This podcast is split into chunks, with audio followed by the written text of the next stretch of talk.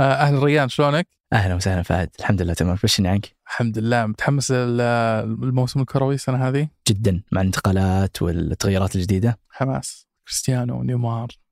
كلهم في نفس ال... في نفس الدوري؟ هذه جدا حماس. آه، مشكلتي الوحيدة مع الدوري ال- ال- الوقت متأخر لبعض المباريات. يعني ودي ثمانية يكون آخر وقت تبدا فيه مباراة. آه، حاليا تسعة. فتسعة قد يكون متأخر شوي. يعني تنتهي المباراه حول 11 فعلا بعد لو تحاول تضبط نومك. يصعبها شوي زيادة. جدا بتصير صعبة. بس صراحة مع النجوم هذول تسوى يعني. نتابع لا بنتابع بنتابع. حتى لو صارت الساعة 11 بنتابع.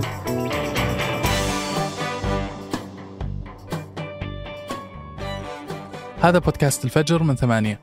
بودكاست فجر كل يوم نسرد لكم فيه سياق الأخبار اللي تهمكم. معكم أنا فهد البراك. وأنا ريان دعفس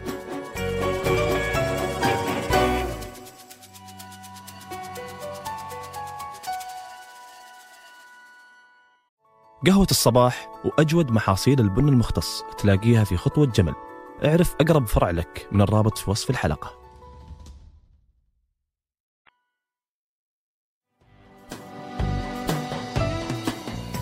ذكرت بلومبرج في تقرير لها الأسبوع ان مسؤولين وخبراء أمنيين توقعوا أن تكون أوروبا ساحة جديدة لتجارة مخدر الكبتاغون. لأن بدايه هالعام ضبطت كميات كبيرة من المخدر بالذات في إيطاليا واليونان. الحرب على الكبتاغون قديمة جدا، لكن قبل كذا خلونا نشرح وش يعني عقار الكبتاغون. عقار بدأ تصنيعه بشكل قانوني في ستينيات القرن الماضي في ألمانيا لعلاج أمراض اضطرابات فرط الحركة والاكتئاب. وفي الثمانينات الميلادية تم سحبه من الأسواق بعد تأكد أعراضه الجانبية وتم حظر إنتاجه. واليوم تقوم دول ومنظمات بل وحتى أفراد من إنتاجه بطرق غير مشروعة. وسبب خطورتها في أنها مادة تسبب الإدمان بشدة. والكبتاغون أصبح شهير جدا في سوريا خصوصا بعد الاحتجاجات اللي شهدتها في 2011 ومن 2014 أصبح متداول بنطاق واسع بعد ما أصبح يتم تعاطيه من عناصر داعش عشان يقاومون النوم وبالتالي يحققون كفاءة أكبر في جبهات القتال. زاد الحظر الاقتصادي المفروض على سوريا وسوء الأوضاع الأمنية نشاط تجارة الكبتاغون وأصبح مدعوما للفرقة الرابعة في الجيش السوري بحسب بعض التقارير الإعلامية الدولية.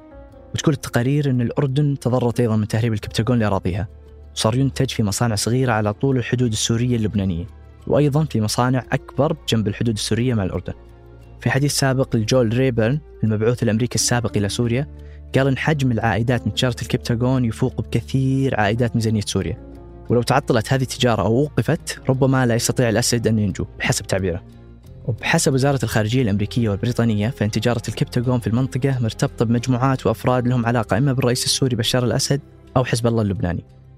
أما سبب نقل معركة الكبتاغون من منطقتنا إلى أوروبا هو بسبب الحملة السعودية الصارمة على تجارة الكبتاغون وهي اللي جعلت تجار المخدرات يفكرون في أسواق جديدة منها سوق أوروبا. ضبطيات بالملايين بين يوم وآخر تشهدها منافذ السعودية، آخرها ضبط نحو نصف مليون حبة كبتاغون في ميناء ضبا في تبوك، وخلال شهر مايو الجاري أيضا ضبط بحسب تقارير استخبارية صادرة من الاتحاد الأوروبي صرح اثنين من المسؤولين وقالوا أن الرئيس السوري الأسد يسعى لتصدير الإدمان وكل المشاكل اللي سببها الكبتاغون لدول سببت بالضرر لسوريا. فهو يستخدم حرب الكبتاغون في الانتقام من أعدائه بحسب تصوره. تعتبر الكبتاغون تجارة لها اقتصاد ضخم في سوريا بحسب تقرير لمراكز أبحاث أمريكية. وأن خلال الثلاث سنوات الماضية قدرت الدائرة المقربة من الرئيس الأسد جمع عشرة مليارات دولار أغلبها من تجارة هذا المخدر. لكن الأسد نفى هالشيء في أكثر من مرة وذكر أن سوريا ما لها علاقة بأي نوع من هذه الأنشطة. ففي عام 2021 ضبط أكثر من ربع مليار حبة منه عالمياً. أما السعودية فأعلنت عن حملة لمواجهة تجارة المخدرات من مايو الماضي. ولا زالت الحملة مستمرة فالمديرية العامة لمكافحة المخدرات تنشر عبر حسابها في تويتر بشكل مستمر حالات اعتقال وضبط المخدرات. وشملت الحملة السعودية قرارات خارجية مثل إيقاف استيراد المنتجات اللبنانية من الخضار والفواكه وسبب القرار السعودي هو بعد إحباط محاولة تهريب مخدرات داخل صناديق رمان. ودعت السعودية رئيس الأسد للقمة العربية في جدة. حتى يشارك في بحث ملفات سياسية أمنية ومن ضمنها ملف تهريب المخدرات.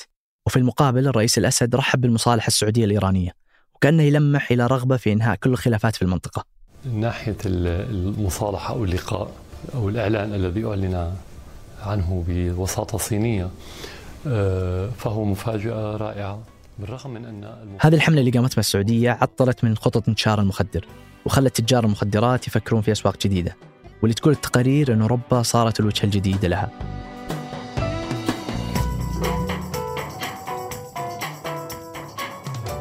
وقبل ننهي الحلقة هذه أخبار على السريع. كشفت شركة لامبورغيني عن سيارتها الكهربائية الاختبارية الجديدة لانزدور واللي توصل قوة محركها 12 سلندر وتعتبر السيارة الجديدة تحت الاختبار. وما تخطط لامبورغيني أنها تطرحها قبل 2028 وهذه مو أول سيارة كهربائية من لامبورغيني كان قبلها سيارة Terzo Millennio بعام 2017 وفي العراق انقطعت مياه نهر الزاب الأسفل بتحرك إيراني. ضاعف الخطوة الإيرانية من مخاطر التصحر والجفاف في المدن العراقية. نهر الزاب الأسفل هو نهر تقع منابعه في شمال غربي إيران ويمتد لمسافة 402 كيلومتر داخل العراق. وهو ثالث روافد نهر دجلة ومن هنا تكمن أهميته للعراق باعتباره شريان مهم. وعشان كذا هالانقطاع يسبب انخفاضات في منسوب مياه نهري دجلة والفرات. وتخطط منصة إكس تويتر سابقا أنها تلغي خيار حظر المستخدمين. وبحسب تغريدة لإيلون ماسك قال بأن خيار الحظر البلوك سوف يتم إزالته من كامل المنصة باستثناء الرسائل الخاصة بين المستخدمين.